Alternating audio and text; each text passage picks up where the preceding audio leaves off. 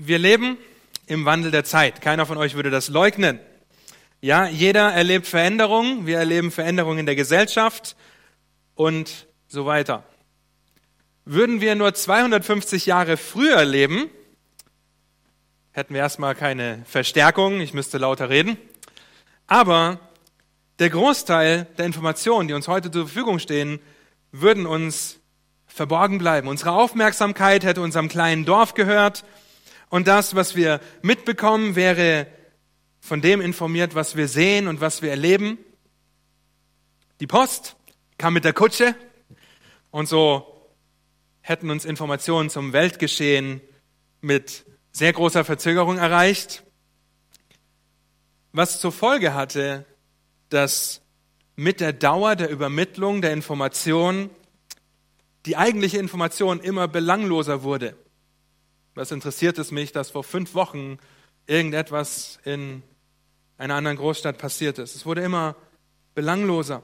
Ein Sprung in die Gegenwart. Und wir alle wissen, dass es nicht mehr so ist. Die Welt ist in der Hosentasche oder in der Hemdtasche.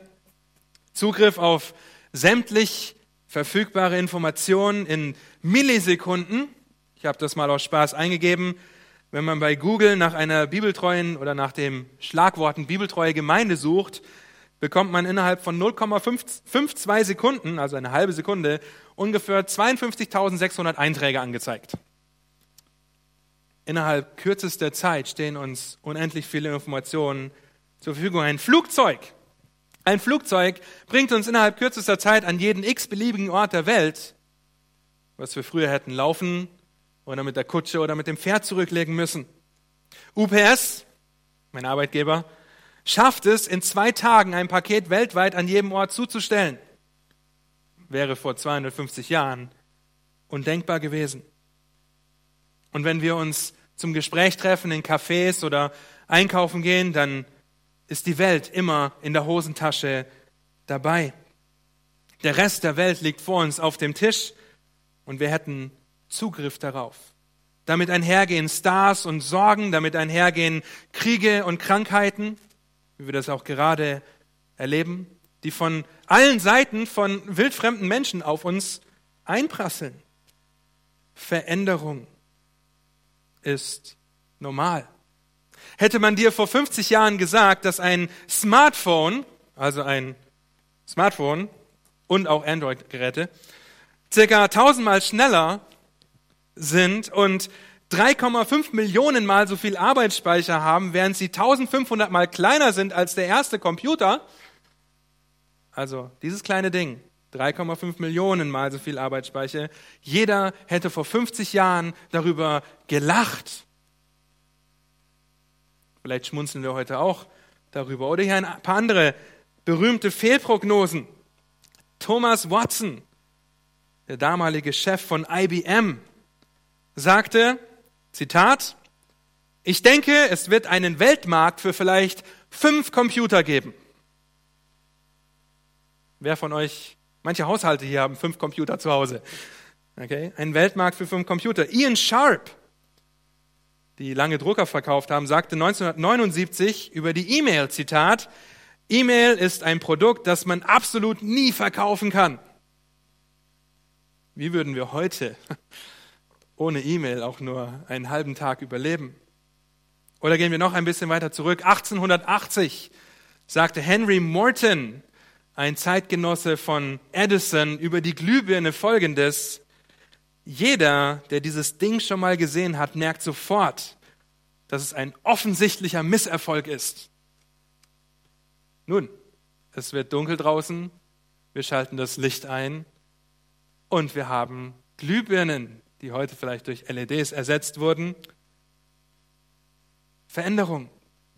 Veränderung, die wir gar nicht meinen, dass sie existieren können. Wer von euch kennt noch einen Plattenspieler oder hat als Kind einen Plattenspieler benutzt?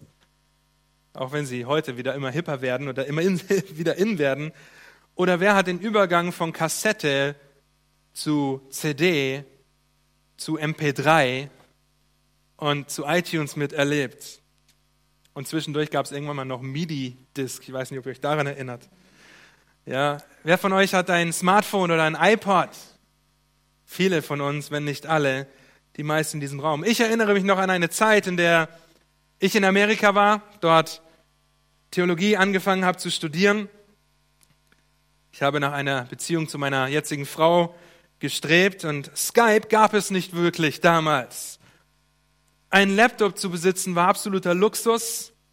Das war 2004 um den Dreh. Und um sich besser kennenzulernen, musste man tatsächlich einen Stift in die Hand nehmen und Briefe schreiben. E-Mail war zwar vorhanden, war in den Startlöchern, aber es hat ungefähr zwei Stunden gedauert, bis man einen Computer gefunden, geschweige denn ihn gestartet hat. Unsere Telefonate begrenzten sich in dieser Zeit auf das, wie viel wir in die Telefonkarte investiert haben. Wenn sie leer war, war Schluss. Manchmal ohne sich voneinander verabschieden zu können. Nun, das ist heute undenkbar. Wir schmunzeln darüber. Es ist lustig, darüber nachzudenken, ja, wenn wir die Welt in der Hosentasche mit uns tragen, zu jeder Zeit, an jedem Ort mit irgendjemandem FaceTime, WhatsApp, Skype, wie auch immer telefonieren können. Es ist unmöglich, nicht darüber zu schmunzeln, weil wir über die Jahre eines Besseren belehrt wurden, weil es heute mehr als fünf Computer gibt, weltweit. Veränderung. Veränderung ist eigentlich was Gutes, weil man sieht, wie es teilweise besser wird in der Technologie zum Beispiel. Aber nicht nur die Technologie ändert sich und nicht nur ändert sich alles zum Guten. Wie gehen wir, wie gehst du, wie gehen wir mit Veränderung um? Wir werden älter, wir verlieren geliebte Menschen, wir werden krank, vielleicht werden wir gekündigt oder verlassen. Gegen uns wird gesündigt und wir müssen die Konsequenzen unserer eigenen Sünde tragen. Wie reagieren wir auf Veränderungen in unserem Leben? Woran halten wir uns fest? Woran hältst du dich fest? Woran hältst du dich fest? Was wäre das Schlimmste, das du dir vorstellen kannst, das dir genommen wird, wo du sagst, ohne das kann ich nicht leben?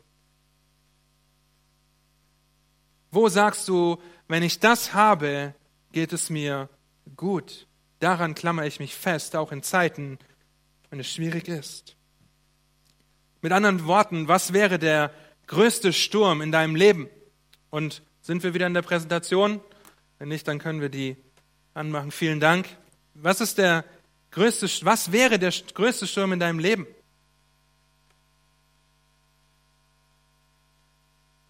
Und meine Sorge ist es, und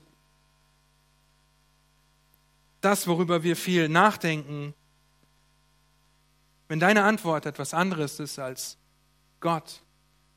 Wenn du denkst, wenn ich heute nach Hause komme und meine Wohnung steht in Flammen, dann werde ich am Boden zerstört sein und ich weiß nicht, wie ich weiterleben soll. Wenn du denkst, wenn ich nur einen Ehemann finde, wenn ich nur Kinder hätte, wenn ich nur ein Haus hätte, wenn ich ein Auto hätte, wenn ich genug Kleidung, genug Geld, was auch immer hätte, dann würde es mir gut gehen. Daran würde ich mich festklammern. Nun, wenn die Antwort etwas anderes ist als Gott, dann klammerst du dich an etwas Wandelbares, das ebenfalls der Veränderung unterworfen ist. Weil Gott der Einzige ist, der unwandelbar ist. Wir haben das gerade gesungen, der Anker in der Zeit, der Fels, der Erlöser. Er ist unwandelbar, er ist der einzig feste Anker. Und die Unwandelbarkeit Gottes ist eine der Grundlagen für sein Wesen seine Eigenschaften. Und wenn wir lernen wollen, wie Daniel gerade schon gesagt hat, wenn wir lernen wollen, woran wir uns festklammern, dann müssen wir das kennen, woran wir uns festklammern. Deshalb wollen wir uns die nächsten Minuten mit der Unwandelbarkeit Gottes beschäftigen, uns die Frage stellen, ist Gott wirklich der Anker in den Stürmen meines Lebens? Klammer ich mich an ihn oder, wenn ich ehrlich bin, weiß ich, dass er unwandelbar ist, aber ich brauche, ich will, ich hätte gerne. Und bald kommt das noch und hier kommt jenes. Wisst ihr, was Gott zu seinem so Mensch, solch einem Menschen sagt, der auf irdisches besinnt ist, der darauf gesinnt ist, was er alles haben will, was er alles machen will, was er alles plant und überhaupt? Er nennt ihn einen Narr. Im Beispiel vom Gleichnis vom reichen Kornbauern. Oh, du Narr, du hast dir Scheunen aufgebaut, angehäuft, angehäuft, angehäuft. Heute Nacht werde ich dein Leben von dir nehmen. Und dann? In Jakobus heißt es, wir sollen nicht so töricht sein und sagen, wir wollen das und jenes tun und werden das machen und hier und da. Nein, wir sollen vielmehr sagen, so Gott will und wir leben. Wenn dein Fokus in den Stürmen deines Lebens, und ich kenne eure Stürme nicht alle, die Herausforderungen eures Lebens, wenn der Fokus nicht auf Gott ist, dann ist es dem Verfall und der Veränderung unterworfen. Nun, Gottes Unwandelbarkeit. Gottes Unwandelbarkeit bedeutet nicht, dass Gott einfach statisch irgendwo sitzt. Er ist nicht unwandelbar in Bezug darauf, dass er keine wirklichen Gefühle hat oder kein Mitgefühl haben kann. Wir haben gerade gelesen, es reute den Herrn.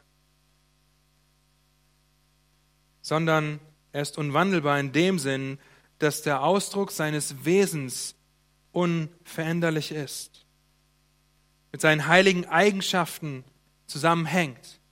Gott ist unwandelbar, das heißt, er verändert sich niemals. Alles Geschaffene unterliegt indessen der Veränderung. Ein Autor, A.W. Tozer, schreibt dazu folgendes Zitat. Wenn wir sagen, Gott sei unveränderlich, heißt das, dass er immer gleich bleibt. Die Vorstellung von einem wachsenden oder sich entwickelnden Gott ist der Schrift fremd. Der Gedanke, dass Gott sich in irgendeiner Weise verändert, scheint mir aus folgendem Grund undenkbar zu sein. Ein moralisches Wesen kann sich in drei Richtungen verändern. Und wir sind alle moralische Wesen. Erstens vom Besseren zum Schlechteren. Zweitens vom Schlechteren zum Besseren oder bei gleichbleibender moralischer Qualität in seinem inneren Wesen selbst. Das heißt zum Beispiel von der Unreife zur Reife oder von einer Wesensart zur anderen. Uns sollte klar sein, schreibt Tozer, dass Gott sich in keine dieser Richtungen bewegen kann, da seine Eigenschaften eine solche Möglichkeit für immer ausschließen. Und darüber nachzudenken, sollte uns mit Freude erfüllen. Es sollte uns mit Freude erfüllen, einen unwandelbaren Gott zu haben, der nicht hin und her geworfen wird von seinen Launen oder davon abhängig ist, was wir tun. Ein anderer Autor, Arthur Pink, schreibt über dieselbe Eigenschaft Gottes, seine Unwandelbarkeit, folgendes Zitat. Gottes Natur und sein Wesen sind unbegrenzt und deshalb nicht der Veränderung unterworfen. Es wird niemals eine Zeit geben, in der er nicht war. Es wird niemals eine Zeit geben, in der er aufhört zu sein. Gott ist weder gewachsen noch hat er sich entwickelt oder verbessert. Alles, was er heute ist, war er immer und wird er immer sein. Zitat Ende. Und das, ihr Lieben, werden wir niemals in der Fülle und Vollständigkeit verstehen. Wir alle wissen, wie wir uns verändern, wie wir Kinder beobachten, wie sie aufwachsen und mehr dazulernen. Gott nicht. Und darüber nachzudenken sollte uns mit Hoffnung erfüllen. Gottes Unwandelbarkeit sollte uns mit Hoffnung erfüllen, weil Gott dadurch keinen schlechten Tag kennt. Er schläft nicht, er schlummert nicht, er tritt nicht aus, er ist nicht abgelenkt, er ist unwandelbar, er kann nicht mit dem falschen Fuß aufstehen. Er denkt sich nicht, ja, schon wieder Montag. Es sollte uns mit Hoffnung erfüllen, einen unwandelbaren Gott zu haben. In Malachi 3, Vers 6 heißt es, denn ich, der Herr, verändere mich nicht. Der Vers geht weiter. Deshalb, aus diesem Grund, weil ich unveränderlich bin, seid ihr, die Kinder Jakobs, nicht zugrunde gegangen. Malachi 3, Vers 6. Wo wäre Gott so wandelbar wie wir? Wir wären alle wahrscheinlich schon längst vom Blitz getroffen. Jakobus 1, Vers 17 haben wir auch gerade gelesen. Jede gute Gabe und jedes vollkommene Geschenk kommt von oben herab, von dem Vater der Lichter, bei dem keine Veränderung ist, noch Schatten infolge von Wechsel. Keine Veränderung bei Gott. Und wenn wir versuchen, Unwandelbarkeit auszudrücken, und wir versuchen,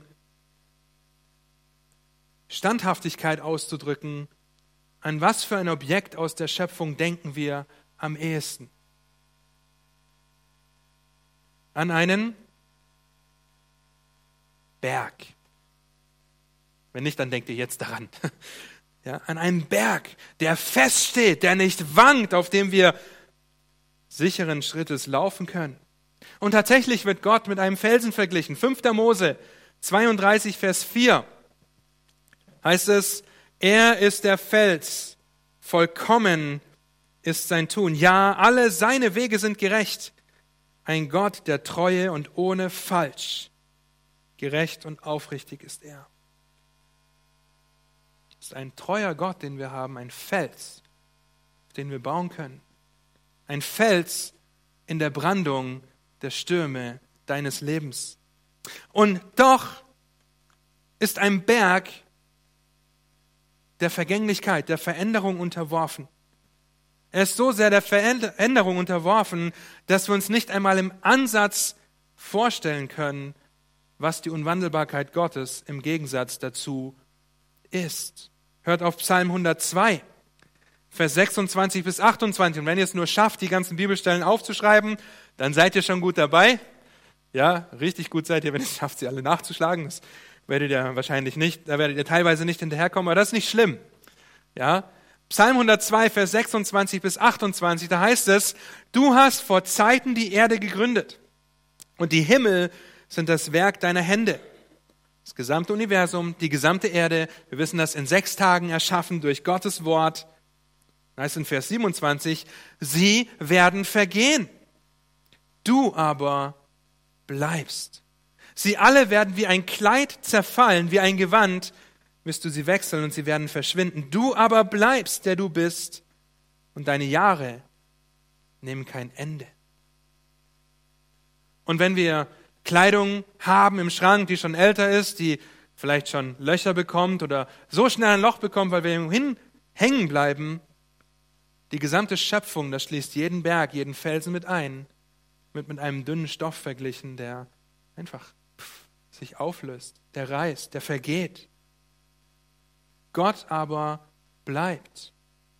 Und so ist der Fels ein gutes Beispiel für uns, darüber nachzudenken, dass wir einen Gott haben, der sich nicht wandelt und dennoch ist ein Fels so unzureichend, Gottes Unwandelbarkeit zu beschreiben und darüber nachzudenken. Es sollte uns mit Begeisterung erfüllen.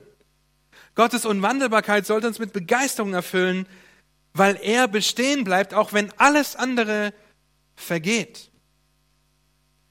Das heißt, wenn du heute nach Hause kommst, dein Haus ist abgebrannt, dein Haus ist vergangen, Gott aber bleibt. Wenn du heute Abend einen Anruf bekommst, dass dein Sohn, deine Tochter Krebs hat, wenn du einen Anruf bekommst, dass deine Mutter, dein Vater gestorben ist, ganz plötzlich aus dem Leben gerissen ist, das ist schrecklich und wir dürfen trauern. Gott aber bleibt.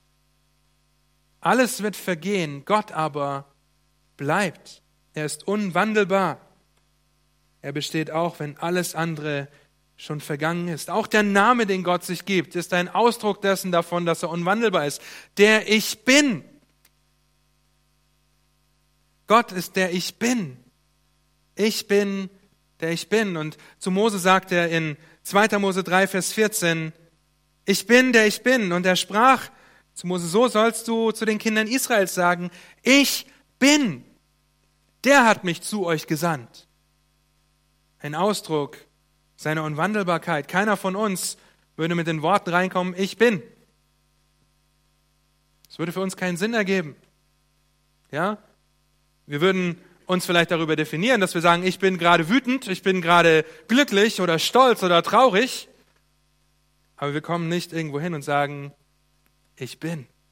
Nur Gott ist der Ich bin, der ewig Seiende, der von Ewigkeit her war, der in Ewigkeit sein wird und der darin unwandelbar ist. Darüber hinaus sollte uns das mit Ehrfurcht erfüllen. Ihr Lieben, wenn Gott unwandelbar ist, Wenn er, der erhabene Gott, der Himmel und Erde geschaffen hat, der dein Herz besser kennt als du selbst, der weiß, der genau weiß, was die Stürme deines Lebens sind und wie du darauf reagierst, wenn er unwandelbar ist, dann sollten wir Ehrfurcht vor ihm haben. Weil er derselbe ist, gestern, heute und in Ewigkeit, ob es sein Zorn ist oder seine Gnade, seine Liebe oder seinen Hass. Hass in Bezug auf Sünde. Gott ist derselbe. Und die Frage an uns ist, wie gut kennen wir Gott?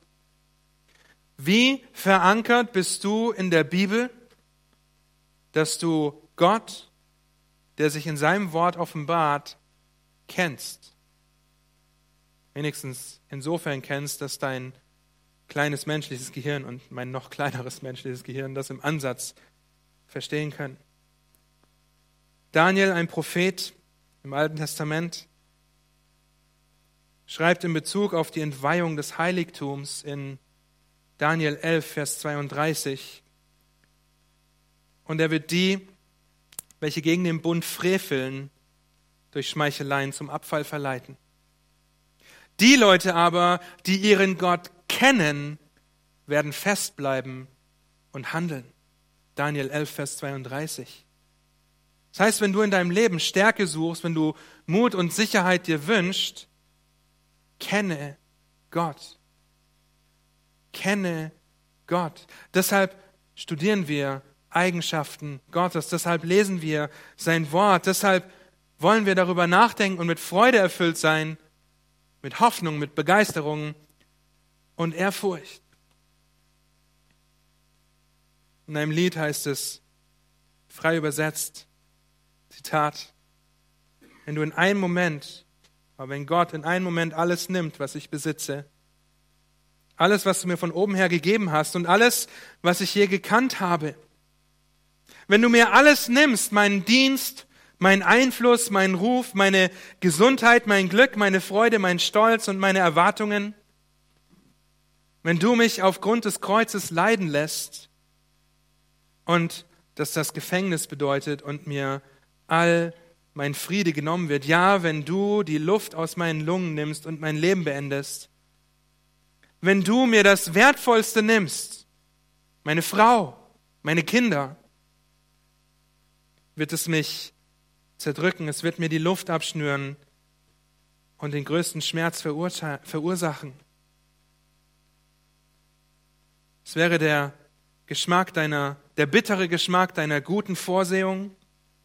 Aber, aber du würdest meinen Glauben bewahren, denn was in dem Herzen dessen verborgen ist, das wir besitzen, kommt dadurch zum Ausdruck, dass wenn es uns genommen wird, erst in schwierigen Zeiten deines Lebens wirst du erkennen, wo dein Herz ist. Weiter heißt es in diesem Lied, und ich kann nicht einmal erahnen, welchen Schmerz das mit sich bringen würde. Ich will dich nicht für das Böse verantwortlich machen, auch wenn du Leid zulässt. Ich, kann mit, ich kam mit nichts in diese Welt und wenn ich sterbe, wird es genauso sein. Ich will deinen Namen preisen, indem du gibst oder nimmst. Wenn ich dich habe, kann ich alles verlieren und es immer noch für Gewinner achten.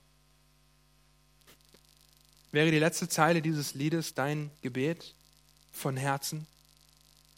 Wenn ich alles verliere, aber dich habe, es immer noch für Gewinn zu erachten? Woran klammerst du dich fest? Worin verankerst du dich? Ist es Gott, der souveräne Schöpfer? Ist es Christus, der sein Leben für dich gelassen hat? Der alles verloren hat, um verlorene Seelen zu gewinnen? Nun, welche Auswirkungen, wenn wir darüber nachdenken, sollte das auf die Stürme deines Lebens haben?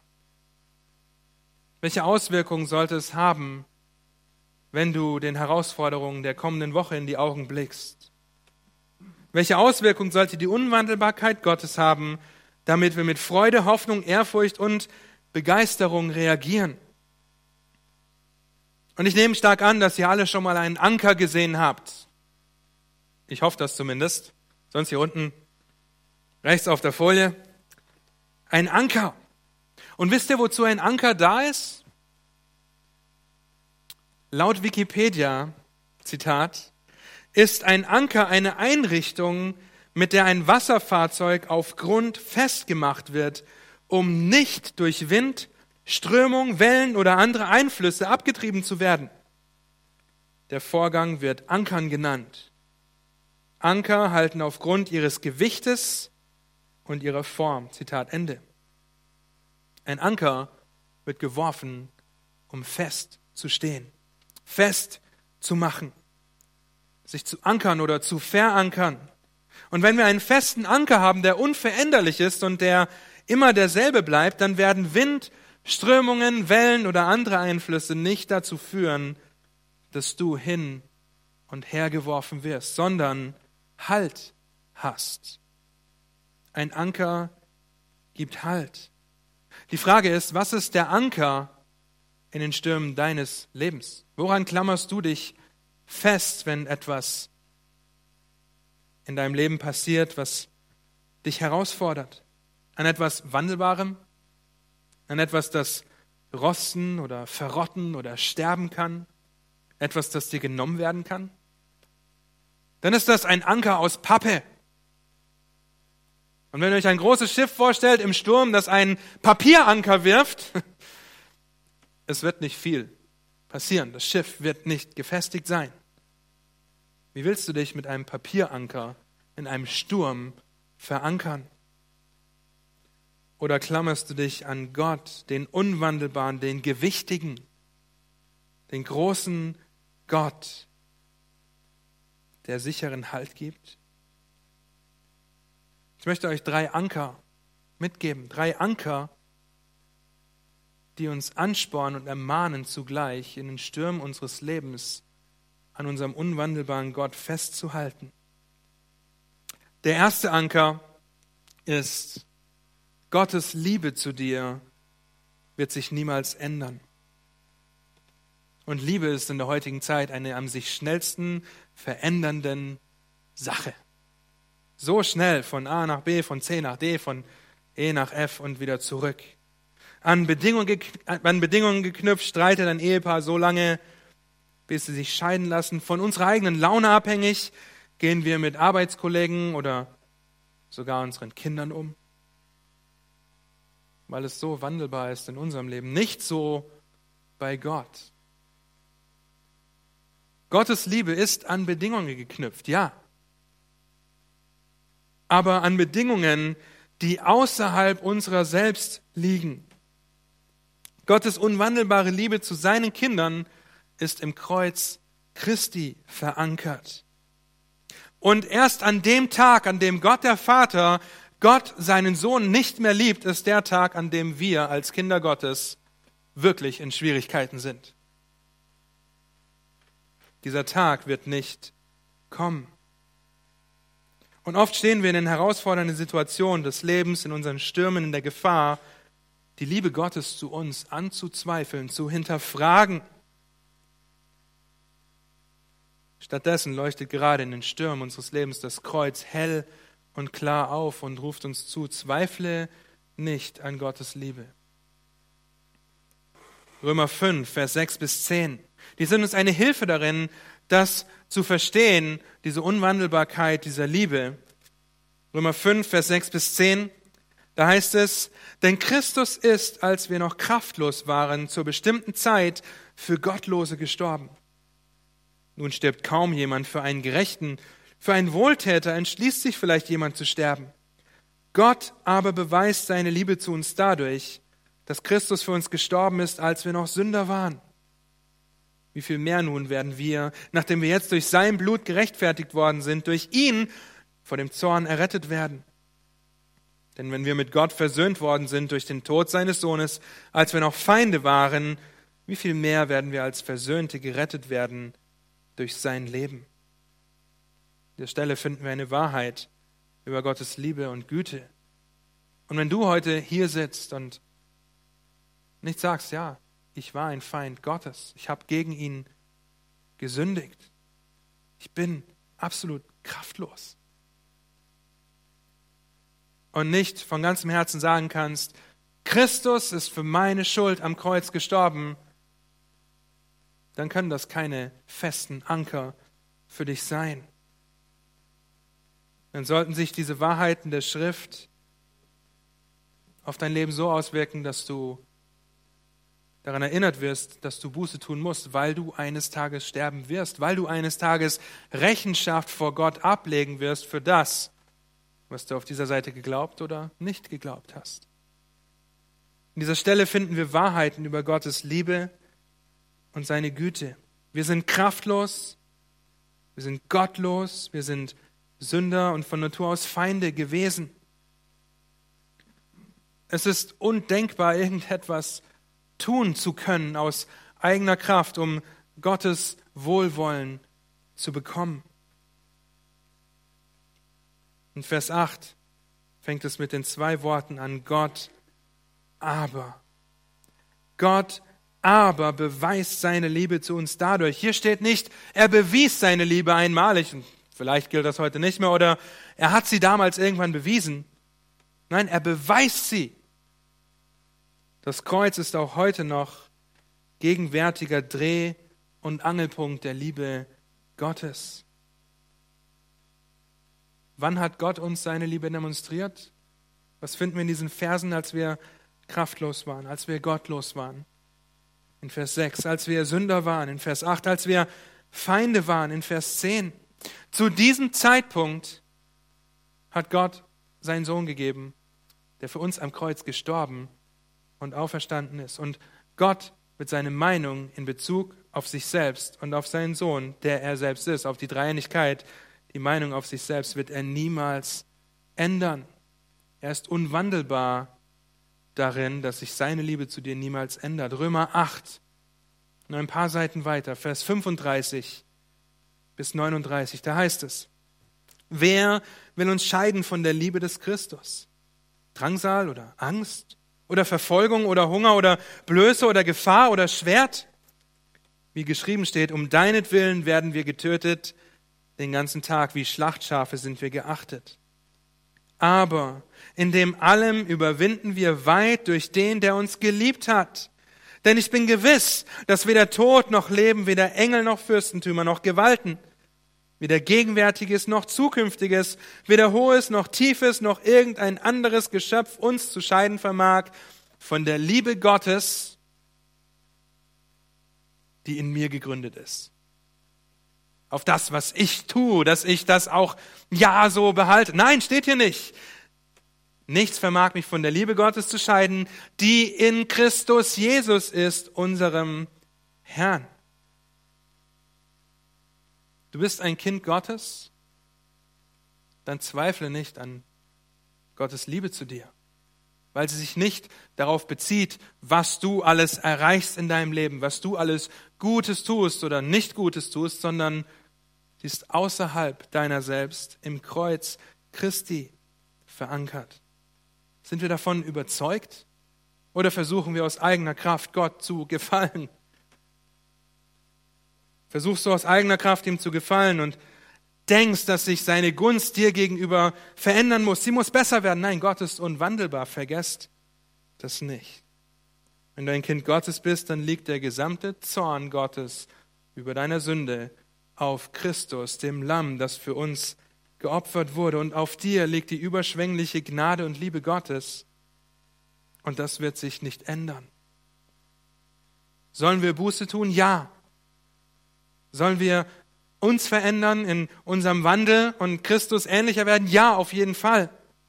Aber das verändert die Liebe Gottes zu dir in keinster Weise. Er wird dich nicht mehr lieben als gestern und er wird dich nicht mehr lieben als vor fünf Jahren. Er wird dich auch morgen nicht mehr lieben, nur weil du sehr viele gute Werke getan hast, die du vielleicht aus selbstsüchtigen Motiven getan hast und danach denkst, oh, er kann mich nicht lieben, weil ich habe das aus den falschen Motivationen gemacht. Nein, er liebt dich auf einer Grundlage, die außerhalb von dir selbst zu finden ist. Anker Nummer zwei. Gottes Wort an dich wird sich niemals ändern. Gottes Wort an dich, wir haben das vorliegen. Einige von euch gehen durch den zweiten Timotheusbrief und wir haben die letzten Wochen damit verbracht und Daniel hat uns das gut erklärt, dass der Text eine gewisse Empfängerschaft hat, dass der Text nur eine Bedeutung hat, aber viele Anwendungen. Aber was wir auch wissen, ist, dass Gottes Wort sich niemals verändern wird. Es wird sich niemals verändern. Gottes Gesetze, Gottes Prinzipien, Gottes Befehle ändern sich nicht. Und das sollte uns Hoffnung geben. Und wenn ihr ein Smartphone habt, wovon ich ausgehe, ungefähr alle zwei Monate ein Update ist verfügbar, bitte installieren. Ja, oder heute Nacht um zwei wird das Update installiert und dann hast du dein Handy nicht an und dann kriegst du diese Nachricht für Wochen, bis du irgendwann sagst, jetzt nervt es mich so sehr, dass ich das endlich mal mache. Ja. Windows abzudaten ist teilweise eine Qual. Gut. Wir hatten mal einen Toyota, der einer Rückrufaktion unterlegen ist, weil irgendwas mit dem Airbag nicht gestimmt hat. Das will man schon gerne ausgetauscht haben. Früher gab es für Videospiele Patches, die man runterladen und installieren musste. Nun, Veränderung, Fehler, Fehler, die da sind, die behoben werden müssen. Nicht so bei Gott. Gottes Wort verändert sich nicht. Gottes Wort ist keinem Update unterlegen oder eine Rückrufaktion. Ja, ist nicht so, dass Gott jetzt auf einmal sagt, oh, ja, wir müssen das alles zurücknehmen, das war falsch, was ich da gesagt habe. Nein, Gottes Wort bleibt in einer Welt der Lügen, der Veränderungen, der Updates und Patches in Wahrheit bestehen, unveränderlich. Für immer. Jesaja 40, Vers 8. Das Gras verdorrt, die Blume ist abgefallen, aber das Wort unseres Gottes bleibt in Ewigkeit. Das Wort Gottes, die Bibel, die wir vorliegen haben, bleibt in Ewigkeit. Hänge dein Leben an die Worte Gottes. Denn es ist unwandelbar und es überführt uns auch noch. Römer 10, Vers 17 heißt es, demnach kommt der Glaube aus der Verkündigung, die verkündigen aber durch Gottes Wort. Hebräer 4, Vers 12. Wenn ihr bei Wort im Herzen dabei seid, dann könnt ihr mitreden. Denn das Wort Gottes ist lebendig und wirksam und schärfer als jedes zweischneidige Schwert. Und es dringt durch, bis es scheidet, sowohl Seele als auch Geist, sowohl Mark als auch Bein. Und ist ein Richter der Gedanken und Gesinnungen des Herzens. Vers 13. Und kein Geschöpf ist vor ihm verborgen, sondern es ist alles enthüllt und aufgedeckt vor den Augen dessen, dem wir Rechenschaft zu geben haben. Wir können uns auf Gottes Wort verlassen, weil es sich nicht ändert. Wir können uns darauf verlassen, weil es ein fester Anker in den Stürmen unseres Lebens ist. Nichts ist Gott verborgen. Nichts kann seinen Ratschluss durcheinander bringen. Er ist nicht schockiert über deine Sünde. Er ist nicht überrascht, was du jetzt schon wieder anstellst. Habe ich gar nicht mit gerechnet. Er ist niemals außen vor oder nicht am Geschehen beteiligt. Er weiß alles. Nichts ist vor ihm verborgen. Und das finden wir in seinem Wort, das uns durchdringt, das uns verändert, das das Einzige ist, was uns Halt geben kann in den Stürmen des Lebens. Weil Gottes Wort das Einzige ist, was in unser Innerstes dringt und uns überführt, wo wir falsch denken und daraufhin falsch reagieren. Und so wollen wir nicht auf unsere Gefühle oder andere Ressourcen hören. Gottes Wort und Gottes Wort alleine ist das, was unwandelbaren Trost mit sich bringt. Psalm 119, Vers 52. Da heißt es, wenn ich an deine ewigen Bestimmung denke, o Herr, so werde ich getröstet. Gottes Wort wird sich niemals ändern. Inwiefern spiegelt sich das in deinem Leben wieder, dass Gottes Wort für dich unwandelbar und wahr ist? Wie sieht das aus? Wie viel Zeit verbringst du täglich in Gottes Wort? Lernst du es? Liest du es? Studierst du es? Denkst du darüber nach?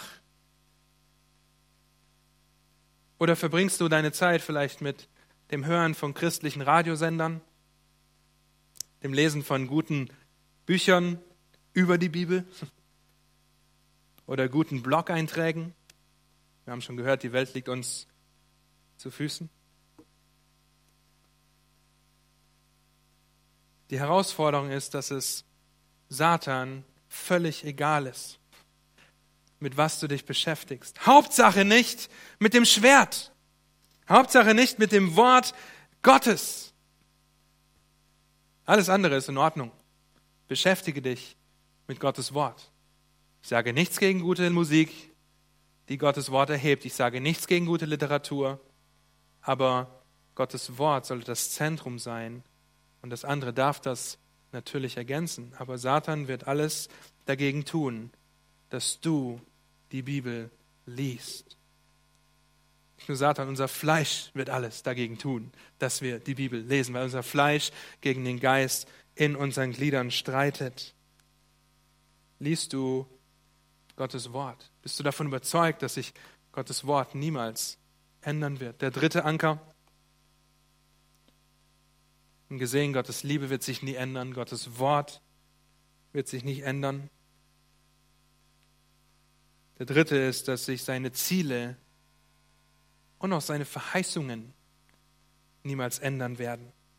Wenn Gottes Wort die Wahrheit ist, dass wir zum Beispiel in 2 Timotheus 3, Vers 16 und 17 lesen, dass es inspiriert ist von Gott. Wenn Gottes Wort die Wahrheit ist, dann ist das, was noch zukünftig ist, die Wahrheit und wird eintreten. Wenn wir die Propheten lesen und davon lesen, dass Gott von Anfang an, noch vor den Propheten, 1. Mose 3, Vers 15, das erste Mal von Christus spricht und dann immer wieder diesen Messias verheißt, der letztendlich vor gut 2000 Jahren lebt und am Kreuz stirbt. Alle Verheißungen sind eingetreten. Und das sind nicht nur drei Verheißungen, die eintreten könnten. Ja, das sind weit über, sind das 600? Ich weiß es nicht ganz genau gerade. Aber es sind sehr, sehr viele Verheißungen, die alle präzise und genau eingetroffen sind auf Christus hin. Und so sehen wir, dass seine Ziele, seine Verheißungen für dich, an dich, auch sich ebenfalls niemals ändern werden. Die werden sich nie ändern, egal wie herausfordernd dein Leben auch sein mag, so schlimm es auch sein mag. Ich sage nicht, dass es, dass jede Situation ist Pustekuchen, halte einfach nur an Gott fest. Nein, es gibt herausfordernde Situationen des Lebens, wo wir uns bewusst dafür entscheiden und daran erinnern müssen, was Gottes Wort sagt, was die Wahrheit aus Gottes Wort ist und wo wir auch Hilfe in Anspruch nehmen möchten.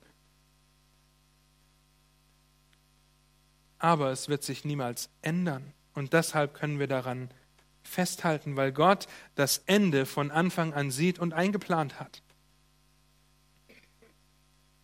Psalm 33, Vers 9 bis 11, da heißt es, denn er sprach und es geschah. Er gebot und es stand da. Der Herr macht den Ratschluss der Heiden zunichte, er vereitelt die Gedanken der Völker. Der Ratschluss des Herrn bleibt ewig bestehen. Die Gedanken seines Herzens von Geschlecht zu Geschlecht.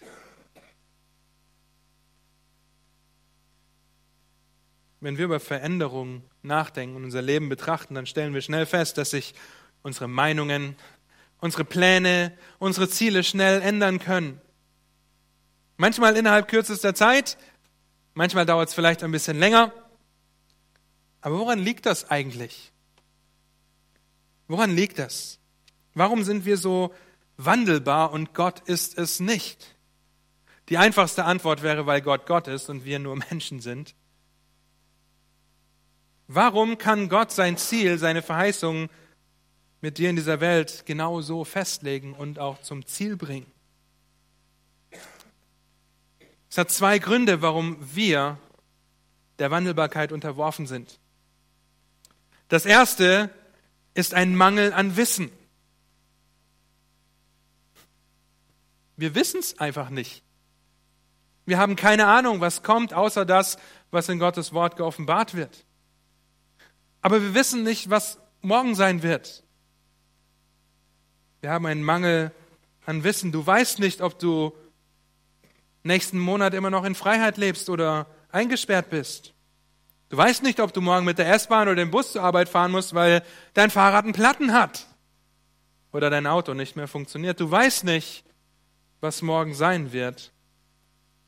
Wir haben einen Mangel an Wissen. Nicht so bei Gott. Gott ist allwissend. Seine Allwissenheit in einem Satz zusammengefasst, über den wir weitere Predigten halten könnten. Gottes Allwissenheit bedeutet, er weiß alles zu jedem Zeitpunkt, ohne sich daran erinnern zu müssen oder es nachzuschlagen, ohne dazu zu lernen und ohne dazu zu lernen. Ist uns das bewusst, dass Gott alles zu jeder Zeit weiß? Wir könnten Gott nicht mal mit Wikipedia vergleichen. Ja, wo wir hingehen und ein Schlagwort eingeben, wie zum Beispiel Anker, um Informationen dazu zu bekommen. Gott hat, wenn ihr es im Ansatz vergleichen wollt, jeden einzelnen Artikel von Wikipedia gleichzeitig vollständig vor Augen. Ohne zu scrollen, ohne Schlagworte, ohne erst nachlesen zu müssen, was da steht. Er weiß es. Er ist allwissend. Alles auf einmal. Und das macht mit uns aber nur, pff. ja, wir können das nicht nachvollziehen. Wir werden das nicht verstehen. Gott ist alles gleichzeitig völlig vor Augen. Ist allwissend. Er hat keinen Mangel an Wissen. Deshalb finden wir Trost und Verankerung darin, dass Gottes Ziele sich niemals ändern werden, weil er alles weiß. Das zweite Problem, warum wir so wandelbar sind, ist, dass wir einen Mangel an Macht haben. Selbst wenn wir die nächste Woche akribisch durchplanen, Minute für Minute, wenn ihr so wollt, wenn ihr so perfektionistisch seid, und genau wissen, wann wir wo sein müssen und wollen und machen und überhaupt mangelt es uns an der Macht, dass das auch genau so eintritt. Wir haben die Macht nicht dazu. Wir haben die Macht nicht dazu, zu sagen, morgen wird mein Auto nicht kaputt sein. Das weißt du nicht. Wir können alles daran setzen, dass das so ist, aber wir haben die Macht nicht, dass das auch so eintritt. Du und ich, wir haben keinen Einfluss, ob es gelingt oder nicht. In dem Sinn, dass wir Macht haben, es auch garantiert eintreten zu lassen. Gott ist es, der uns jeden einzelnen Atemzug schenkt laut Apostelgeschichte 17, jeden Herzschlag geschehen lässt, der uns am Leben hält. Wir stehen in der Verantwortung auf jeden Fall, uns als ein wohlgefälliges Opfer hinzugeben, Römer 12, Vers 1. Wir stehen in der Verantwortung, würdig unserer Berufung zu wandeln, Epheser 4, Vers 1. Und wir stehen in der Verantwortung, uns unter Gottes mächtige Hand zu demütigen, 1. Petrus Kapitel 5. Aber das alles können wir ruhigen Gewissens tun, weil Gott keinen Mangel an Macht hat, weil Gott allmächtig ist. Nicht nur, dass er alles weiß, nein, er hat auch die Macht, dass alles genauso eintritt, wie er es festgelegt hat, ganz genau so, wie er es möchte. Er ist allmächtig. Und so sehen wir, dass seine Allmacht und seine Allwissenheit mit seiner Unwandelbarkeit zusammenhängen müssen. Wäre er nicht allmächtig, wäre er nicht unwandelbar. Er könnte zwar alles wissen, aber was ist, wenn auf einmal was anderes passiert und ich kann nicht eingreifen? Wäre Gott allmächtig, aber nicht allwissend, wäre er wandelbar, weil er davon abhängig wäre, zu gucken, was denn passiert, aufgrund dessen ich handeln sollte.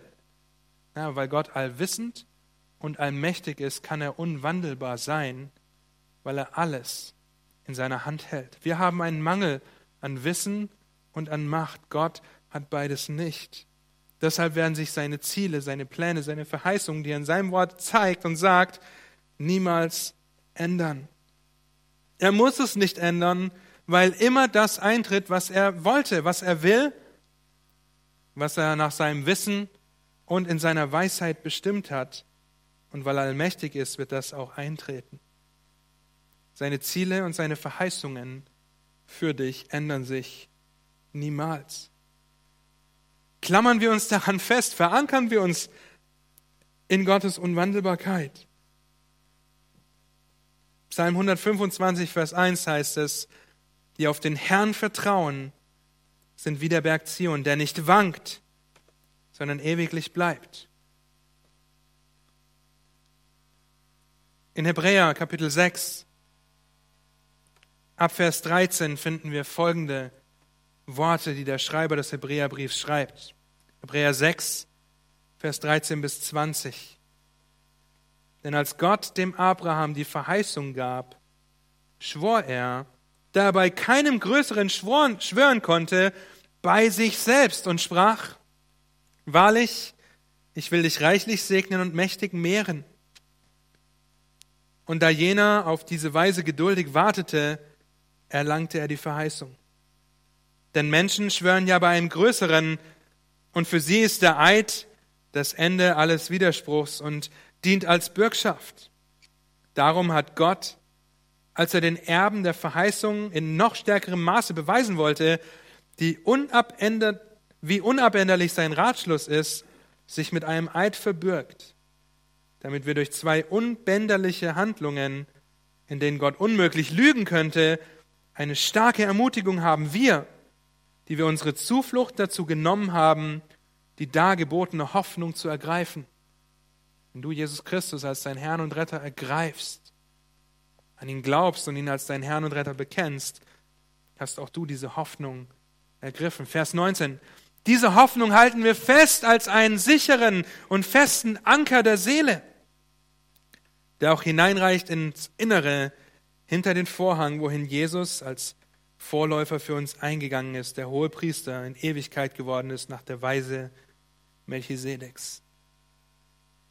Wir können Gottes Unwandelbarkeit nicht aufzeigen, ohne über Christus zu reden. Ohne über Christus zu reden, der alles in seinem Tod, seiner Auferstehung und seiner Erhöhung zusammenhält. Hebe deine Augen auf Christus. Hebe deine Augen auf Christus, der als König sein Zepter über die Weiten des Universums erhebt. Höre den, der alles zusammenhält und verkündigt, alles gehört mir ohne Ausnahme. Und dann sieh auf die demütige Menschwerdung deines ewigen Königs, wie er durch die Jungfrauengeburt auf diese Erde kommt. Der ewige wird zum Baby. Der Macher wird Mensch. Der Göttliche wird geächtet. Christus gekreuzigt. Der Autor aller Schöpfung verflucht am Holz, das er selbst geschaffen hat. Der Herr des Lebens ins Grab gelegt. Aber das Grab konnte ihn nicht halten und der Sohn des Menschen ist auferstanden. Aber warum? Warum das alles?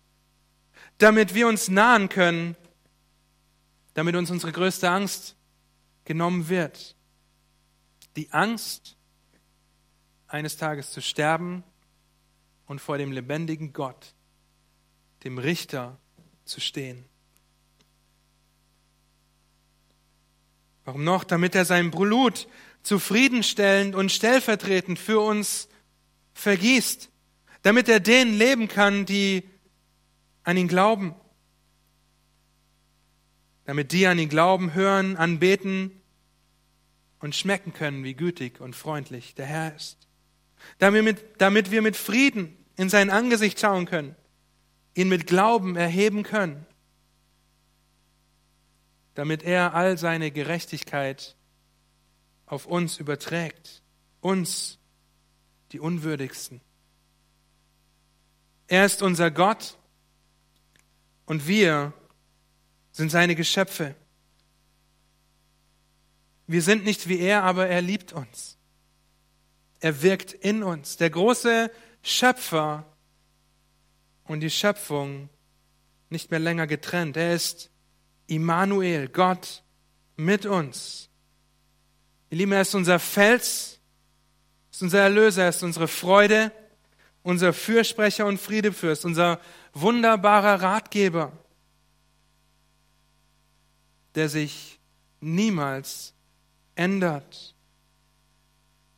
der sich niemals ändert und deshalb und allein deshalb der Anker deiner Seele ist. Klammer dich an ihn. Er ist der Anker in der Zeit. Derjenige, der uns in den Stürmen unseres Lebens festhält. Meine Ermutigung an dich, konzentriere dich auf die Anker, die in Christus verwurzelt sind und nicht auf den Sturm. Konzentriere dich auf die Wahrheit, nicht auf deine Wahrnehmung. Konzentriere dich auf den Schöpfer, nicht auf die Schöpfung. Wie reagierst du auf Veränderungen in deinem Leben, auf herausfordernde Situationen? Ist der unwandelbare Gott dein Anker? In Offenbarung 1, Vers 8 heißt es, ich bin das A und das O, der Anfang und das Ende, spricht der Herr.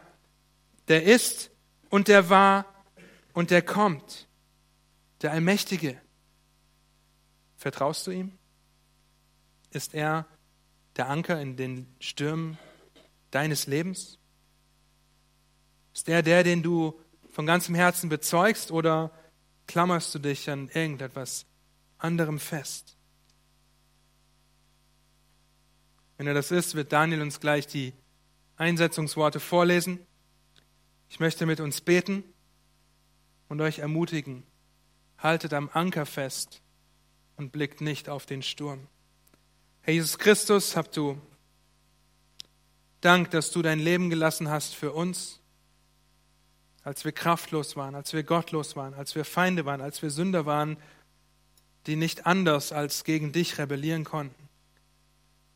Vater, habt du Dank, dass du uns in deiner großen Gnade errettet hast, nicht aus Werken, damit wir uns nicht rühmen, und dass du deine Liebe zu uns in deinem Sohn verankerst und nicht in dem, was wir leisten oder tun oder schaffen oder nicht. Hab du Dank, dass du unwandelbar bist, dass du dich nicht änderst und niemals Veränderung unterworfen sein wirst, du niemals warst und auch in Ewigkeit nicht sein wirst. Du Dank, dass dein Wort in Ewigkeit bleibt. Hab du Dank, dass deine Verheißungen eintreffen werden so wie du uns in deinem Wort offenbarst, weil du unwandelbar bist, weil du allwissend und allmächtig bist. Ich bete, dass wir darauf vertrauen, dass wir auf dich blicken, auf dich, der du der Anker in der Zeit bist, auf dich, der du der Fels in der Brandung bist, auf, der, auf dich,